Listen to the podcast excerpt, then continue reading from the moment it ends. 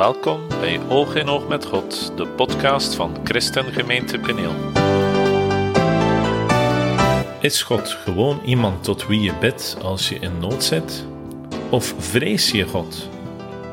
God vrezen heeft eigenlijk niks te maken met bang zijn. Het is iets fantastisch. Meer hierover in het eerste deel van Vrees de levende God. Ik wil even naar Psalm 119 gaan. 119, vers 120. Het is een heel lange psalm, psalm 19, 119. Ja, er zijn 176 versen in die psalm. En ik wil daar even psalm uh, vers 120 uit voorlezen.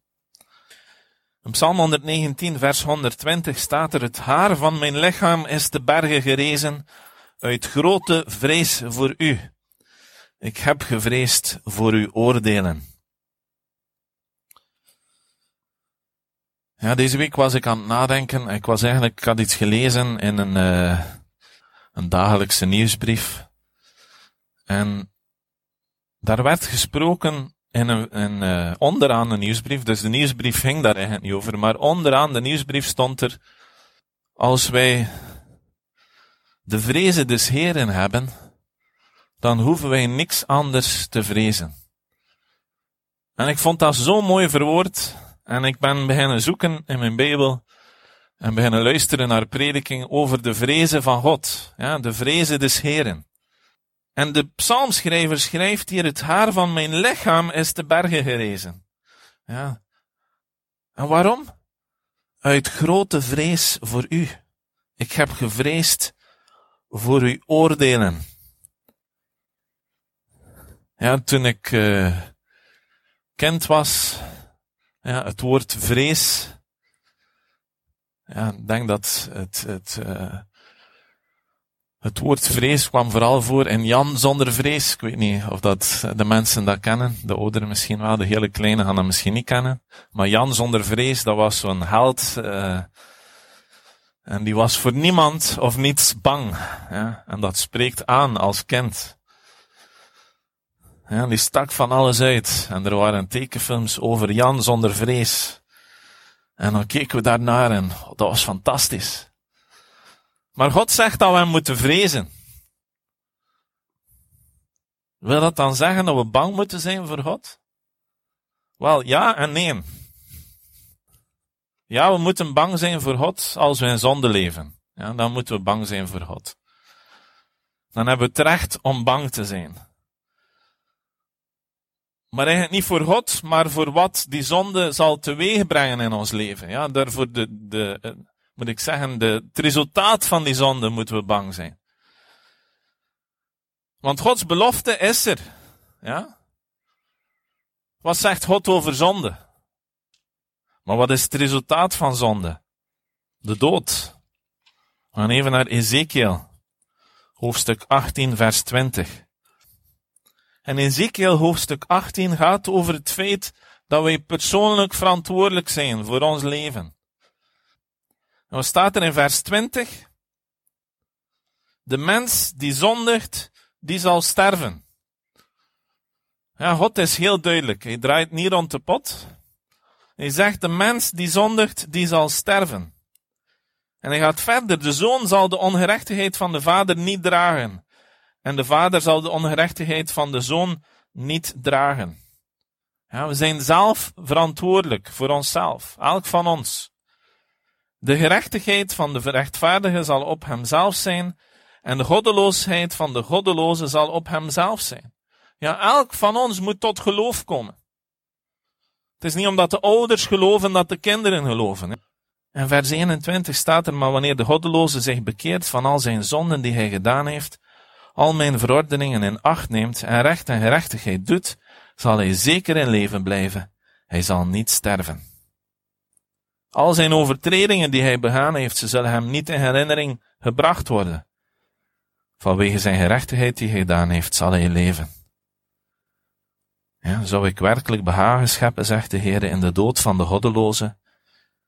Is het niet wanneer hij zich bekeert van zijn wegen dat hij zal leven. Ja, God doet een belofte.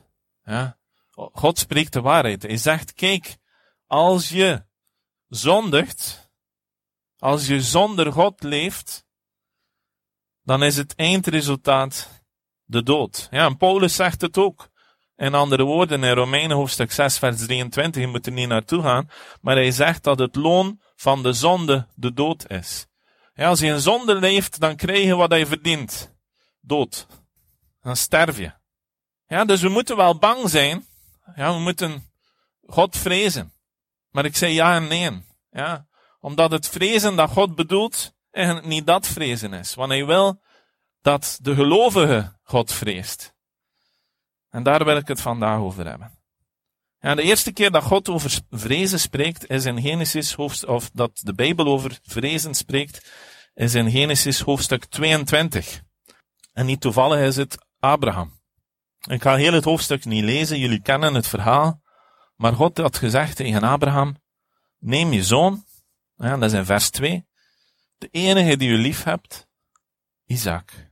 En ga naar het land Moria en offer hem daar als brandoffer op een van de bergen die ik u noemen zal. Ja, God had Abraham een zoon beloofd. En niet Ismaël, maar Isaac. En Isaac is geboren. En wat zegt Abraham? Uh, wat zegt God tegen Abraham? Neem je zoon, ga hem offeren als brandoffer. Ja, wat zouden wij doen, moest God dat zeggen tegen ons? Ik denk dat ik toch even wakker zou liggen s'nachts. En Abraham stond s morgens vroeg op. Dat staat er. Dus ik weet niet of dat hij wakker gelegen heeft, maar hij deed wat God zei. En het duurde drie dagen voordat ze daar waren. En Abraham gehoorzaamde. En hij legde Isaac, hij maakte een altaar, hij legde Isaac erop. En juist op het moment dat hij het mes nam om zijn zoon te slachten, kwam God tussen. En dat staat in vers 11. En, daar staat, maar de engel van de Heere riep tot hem vanuit de hemel en zei, Abraham, Abraham. En hij zei, zie, hier ben ik. Toen zei hij, steek uw hand niet uit naar de jongen en doe hem niets, want nu weet ik dat u God vrezend bent en uw zoon, uw enige, mij niet onthouden hebt. Ja, dat geeft ons al een mooi, een goed beeld van wat God vrezen betekent. Ja, Abraham die vreesde God. Abraham die wist hoe machtig God was. En Abraham die had ontzag voor God. Ja, in het uh, uh, moderne Nederlands heeft vrees altijd te maken met angst. Ja, maar als je in de oudere vertalingen kijkt, heeft vrees ook te maken met ontzag hebben, eerbied hebben voor. En toch betekent eigenlijk het woord vrees in het Hebreeuws soms wel vrees in de zin van, ja, bang zijn. Maar het is een combinatie van aan de ene zijde bang zijn en aan de andere, zijde, andere kant ook ontzag hebben. En ik was daarover aan het nadenken vanmorgen in de douche. Ja, dat is een goed moment om daarover na te denken. En ik dacht, hoe kun je dat uitleggen? Welk soort vrees God wil dat we hebben. En ik moest denken aan de relatie tussen een vader en een klein kind. Als de vader iets zegt tegen een klein kind, ja, en een keer zijn vinger opsteekt, of een keer wat luider spreekt, ja, dan schrikt dat kind. En ik ga niet zeggen dat dat kind grote angst heeft, maar je is zeker niet op zijn gemak, want hij weet van, mm, ik moet hier doen wat mijn vader zegt. Maar hij weet ook dat die vader dat zegt omwille dat, omdat hij van dat kind houdt. Ja, je kunt het niet, ik ben er zeker van dat dat kind niet die gedachten heeft, maar dat is gewoon de realiteit. Ja, een vader die autoriteit heeft, die, ook strikt, streng is voor zijn kinderen, ja, de manier dat God het wil, ja, dat kind weet dat. Mijn vader houdt van mij, maar ja, soms ja, trekken ze zich wel een keer terug en zijn ze misschien niet op hun gemak. We gaan even naar Deuteronomium hoofdstuk 6. Hoofdstuk 6, vers 24. En daar staat, en de Heer gebood ons al deze verordeningen te houden, om de Heere onze God te vrezen, ons ten goede alle dagen, om ons in leven te houden, zoals het op deze dag is. Ja, daar zie je wat, wat ik daar juist probeerde uit te leggen over een vader en een kind. Ja, een vader die heeft een aantal geboden, ja, die bakent een gebied af. En de Heere gebood ons al deze verordeningen te houden. Ja, dat is de verwachting ook van een vader naar zijn kind, is van, kijk, je moet dat doen. Ja, en een vader is dan onthoogeld als dat kind dat niet doet. Maar dat kind is net zoals de, de zondige mens, die probeert daar altijd buiten te gaan. En het is de taak van de vader om dat gebied afgebakend te houden. Ja. En de moeder heeft daar ook een rol in te spelen. En wat staat er? De Heer gebood ons al deze verordeningen te houden, om de Heere onze God te vrezen, ons ten goede, alle dagen, om ons in leven te houden, zoals het op deze dag is. Ja, daaraan zie je dat vrezen, God vrezen heeft te maken met zijn geboden houden. Ja, God vrezen is iets ten goede. En het is om ons in leven te houden, dat God wil dat we zijn geboden onderhouden. Ja, dus God vrezen heeft te maken met ontzag hebben. Ja, het heeft te maken met hem volgen. Het heeft te maken met hem gehoorzaam zijn. Hem te eren, hem te verheerlijken. Hem hoog in te schatten. Ja, je over te geven aan hem. Hem eerbied te geven. Hem de plaats te geven die hem toekomt. Ja, geen afgoden hebben in je leven, alleen God. En wanneer we Jezus Christus kennen en hem aanvaarden als onze persoonlijke verlosser, en, onze, en de meester in ons leven, ja, dan leven wij niet meer voor onszelf. Ja, dan vrezen wij God, want we leven niet meer voor onszelf. Christus leeft in ons, maar we laten zijn leven, hem zijn leven leiden door ons. Ja, en dan vrezen wij de Heer. Dat is wat hij wil van ons, dat is wat hij verwacht van ons. Ja, in Deuteronomium hoofdstuk 13, vers 4. Ja, het is ongelooflijk interessant als je begint te kijken waar, wat, wat er allemaal staat over God vrezen. Ja, veel christenen vandaag zijn niet bezig met God vrezen. Ja, ze hebben een religie, ze hebben een, en, ze houden zich bezig bij wijze van spreken. Ja, achter de Heere uw God moet u aangaan. Hem moet u vrezen. Zijn geboden moet u in acht nemen. En zijn stem gehoorzamen, hem moet u dienen en u aan hem vasthouden. Ja, we moeten achter God aangaan. Hem vrezen, zijn geboden in acht nemen, zijn stem gehoorzamen, hem dienen en aan hem vasthouden. En God vrezen heeft met al die aspecten te maken. Psalm 33. Ja, ik ga redelijk wat bijbelteksten gebruiken vandaag. Psalm 33, vers 8. En wat zegt David daar? Vers 8 en 9. David zegt, laat heel de aarde voor de Heere vrezen.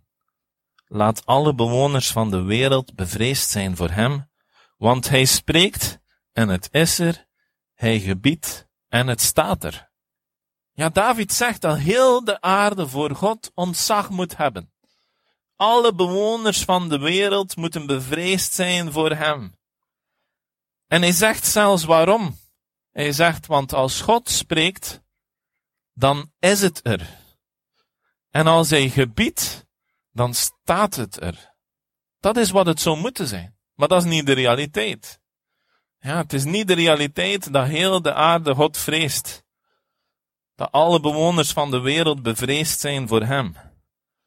Ja, ik denk dat wij zeker hier in Vlaanderen Gods besef, mensen Gods besef kwijtgespeeld zijn. Ja, je gaat naar veel andere culturen daar heeft men een besef van het goddelijke. Ja, ook al is het niet, ook al is het niet Jezus Christus. Maar ze hebben wel een besef van het bovennatuurlijke, het goddelijke. Maar hier in, in, in Vlaanderen en veel westerse culturen hebben het zo goed, ja, dat we God niet meer vrezen. Lucas hoofdstuk 23. Op het moment dat Jezus aan het kruis hangt, hangen daar twee misdadigers naast hem.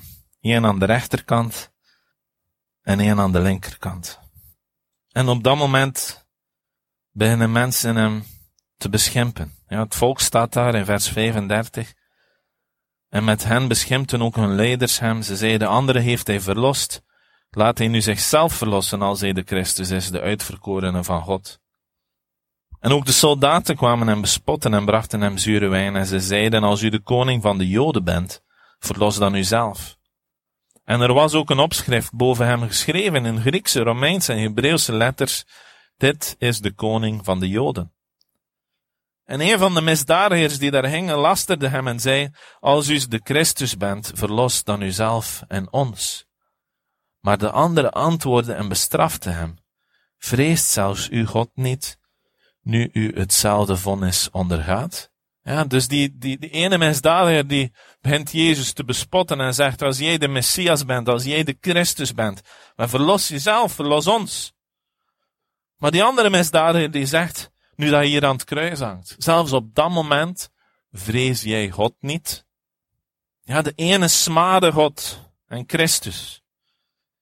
En de andere durfde antwoorden en zei, vrees je zelfs God niet, nu u hetzelfde vonnis ondergaat.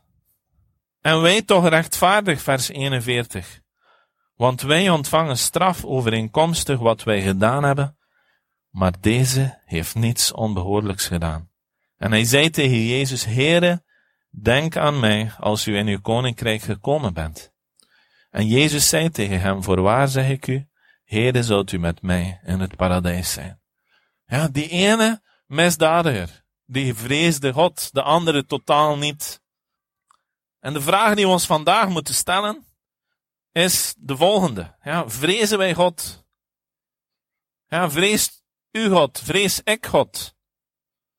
Of is God, gewoon iemand waarover we praten? Of God gewoon iemand die we verheerlijken of over zingen als we naar de kerk komen? Of tot wie we af en toe eens bidden wanneer we in nood zitten? Vrezen wij God zoals God het wil? Ja, in Romeinen hoofdstuk 3 zien we hoe de wereld denkt over God. Romeinen hoofdstuk 3, vers 10 tot 18. Ik ga lezen vanaf vers 9. Wat dan wel zijn wij voortreffelijker beslist niet. Wij hebben immers zojuist en Joden en Grieken beschuldigd dat zij allen onder de zonde zijn. Zoals geschreven staat, er is niemand rechtvaardig, ook niet één. Er is niemand die verstandig is, er is niemand die God zoekt. Allen zijn zij afgedwaald, samen zijn zij nutteloos geworden. Er is niemand die goed doet, er is zelfs niet één. Hun keel is een open graf, met hun tong plegen zij bedrog. Addergif is onder hun lippen. Hun mond is vol vervloeking en bitterheid. Hun voeten zijn snel om bloed te vergieten. Vernieling en ellende is op hun wegen, en de weg van de vrede hebben zij niet gekend. De vreze Gods staat hun niet voor ogen. Ja, dat is de wereld. Ja, de wereld, wat staat er? Hun keel is een open graf. Met hun tong plegen zij bedrog. Ja, ik let daar soms op op mijn werk. je bent dat niet verwachtende omdat je dat zelf niet doet. Maar mensen liegen. Mensen liegen soms heel bewust. Met hun tong plegen zij bedrog. Addergif is onder hun lippen. Hun mond is vol vervloeking en bitterheid. Hun voeten zijn snel om bloed te vergieten. Vernieling en ellende is op hun wegen en de weg van de vrede hebben zij niet gekend. Ja, waarom? De vreze God staat hun niet voor ogen. Ze leven in zonde. En die passage toont hoezeer mensen God nodig hebben. Maar ze toont ook dat het belangrijk is dat we God vrezen. Ja, we moeten de vrezen van God voor ogen hebben. Ja, en als je de vrezen van God voor ogen hebt, ja, dan kun je niet zijn zoals de wereld. Want die hebben de vrezen van God niet voor ogen. Ja, daarom zegt Paulus dat we geen vriendschap met de wereld kunnen hebben. Ja, de wereld heeft de vrezen Gods niet voor ogen. Wij moeten dat wel doen. Maar sommigen willen beide. God vrezen en doen wat de wereld doet. Maar dat kan niet. Ja, je kunt geen vriendschap met de wereld hebben. Deze week hoorde ik in het uh, nieuws over de plaats waar zoutwater en zoetwater elkaar ontmoeten. Ja, dat noemen ze brakwater. En ik vond dat een heel, die vergelijking deed mij denken aan, ja, de wereld is het zoute water, koninkrijk van God is het zoete water. Maar als zout en zoet elkaar ontmoeten, dan heb je brakwater. En brakwater is nog altijd zout genoeg omdat slecht en smerig zou smaken. Ja, bedorven zou smaken. En ik vond dat zo'n mooie vergelijking om aan te tonen wat vriendschap met de wereld doet. Ja, vriendschap met de wereld zorgt ervoor dat je nog altijd in zout water zit, niet in het zoete. Ja, en bovendien wil God niet dat we pootje baden, hij wil dat we ons onderdompelen. Ja, hij wil dat we volledig in dat zoete water zijn in het koninkrijk van God. Ja, God haat zonde. God wil geen zonde. Daarom heeft hij Jezus Christus gestuurd naar deze wereld. God haat niet de zondaar, want hij heeft, er staat al zo lief, altijd de wereld lief. Hij haat de zondaar niet. Want daarom heeft hij Jezus Christus gegeven. Hij haat de zonde en hij wil afrekenen met die zonde. En hij heeft dat ook gedaan. Maar wat hij wel verwacht van de zondaar, is dat de zondaar zich bekeert. Ja, dat de goddeloze zich bekeert. En dat die God vreest. Ja, vandaag de dag hebben de mensen de vrezen Gods niet voor ogen. En het was toen al zo, want Paulus heeft het 2000 jaar geschreven, geleden geschreven, dus het is niet veel veranderd. Maar laat ons duidelijk zijn. Ja, er zal een dag komen waarop elke knie zal buigen voor God. Ja, ook degene die de vrezen Gods niet voor ogen had. Het enige verschil zal zijn op de dag van oordeel, is dat de ene die God vreesden getrouwe dienaars zullen genoemd worden, en de andere de dood zullen hebben. Ja, de ene eeuwig leven, de andere de dood. En ik zou willen hebben dat hij mij dan getrouwe dienaar noemt. Dat hij zegt, je hebt God gevreesd. Je hebt mij gevreesd. Je hebt mij gevolgd. En ik hoop dat je hetzelfde wil. Het is belangrijk hoor. Want soms zijn we bezig en willen we dingen die de wereld wil. Maar de duivel die is alleen maar gekomen om te vernietigen, om te doden, om kapot te maken. Ja, dus wat de wereld wil, is niet wat God wil. Malachi hoofdstuk 4, want zie die dag komt branden als een oven. Dan zullen alle hoogmoedigen en allen die goddeloosheid doen stoppels worden. En de dag die komt zal zijn vlam zetten, zegt de Heere van de legermachten, die van hen wortel nog tak zal overlaten. Ja? En dat dat vrij duidelijk is. Maar voor u die mijn naam vreest, zal de zonder gerechtigheid opgaan, en onder zijn vleugels zal genezing zijn. En u zult naar buiten gaan en dartelen als kalveren uit de stal. Dat is wat er gaat gebeuren.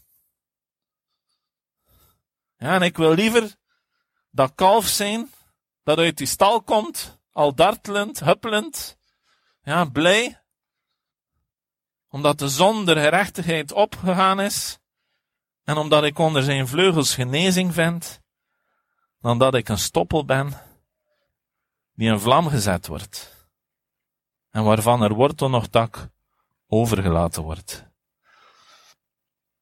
maar voor u die mijn naam vreest. Vrezen wij God, vrezen wij zijn naam. Hebben wij er zo'n ontzag voor dat we bereid zijn om ons leven volledig neer te leggen. Maar voor u die mijn naam vreest, zal de zonder gerechtigheid opgaan en onder zijn vleugels zal genezing zijn. En u zult naar buiten gaan en dartelen als kalveren uit de stal. Ja, God is heilig. En wij moeten hem vrezen. En hij wil ook dat wij heilig zijn. En hem vrezen wil zeggen, net zoals Jezus zei, volg mij. Volg mij. Leg je leven, leven neer, neem je kruis op en volg mij. En als wij God vrezen, dan doen wij dat. Ja, dan is dat het resultaat van het ontzag en de eerbied die wij hebben voor God. Ja, we hebben gelezen in Deuteronomium, ik ga er nog even naar terug. Deuteronomium hoofdstuk 13, vers 4. Dat is. En wat stond daar? Achter de Heere, uw God, moet u aangaan.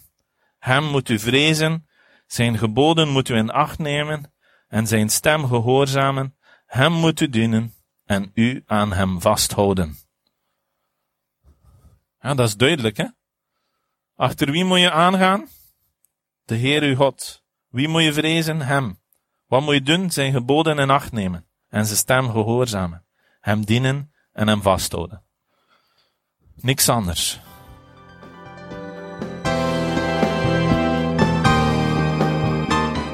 Heeft deze boodschap je geraakt? Wil je hierover graag met iemand spreken? Neem dan zeker contact op met ons via onze website www.peniel.be.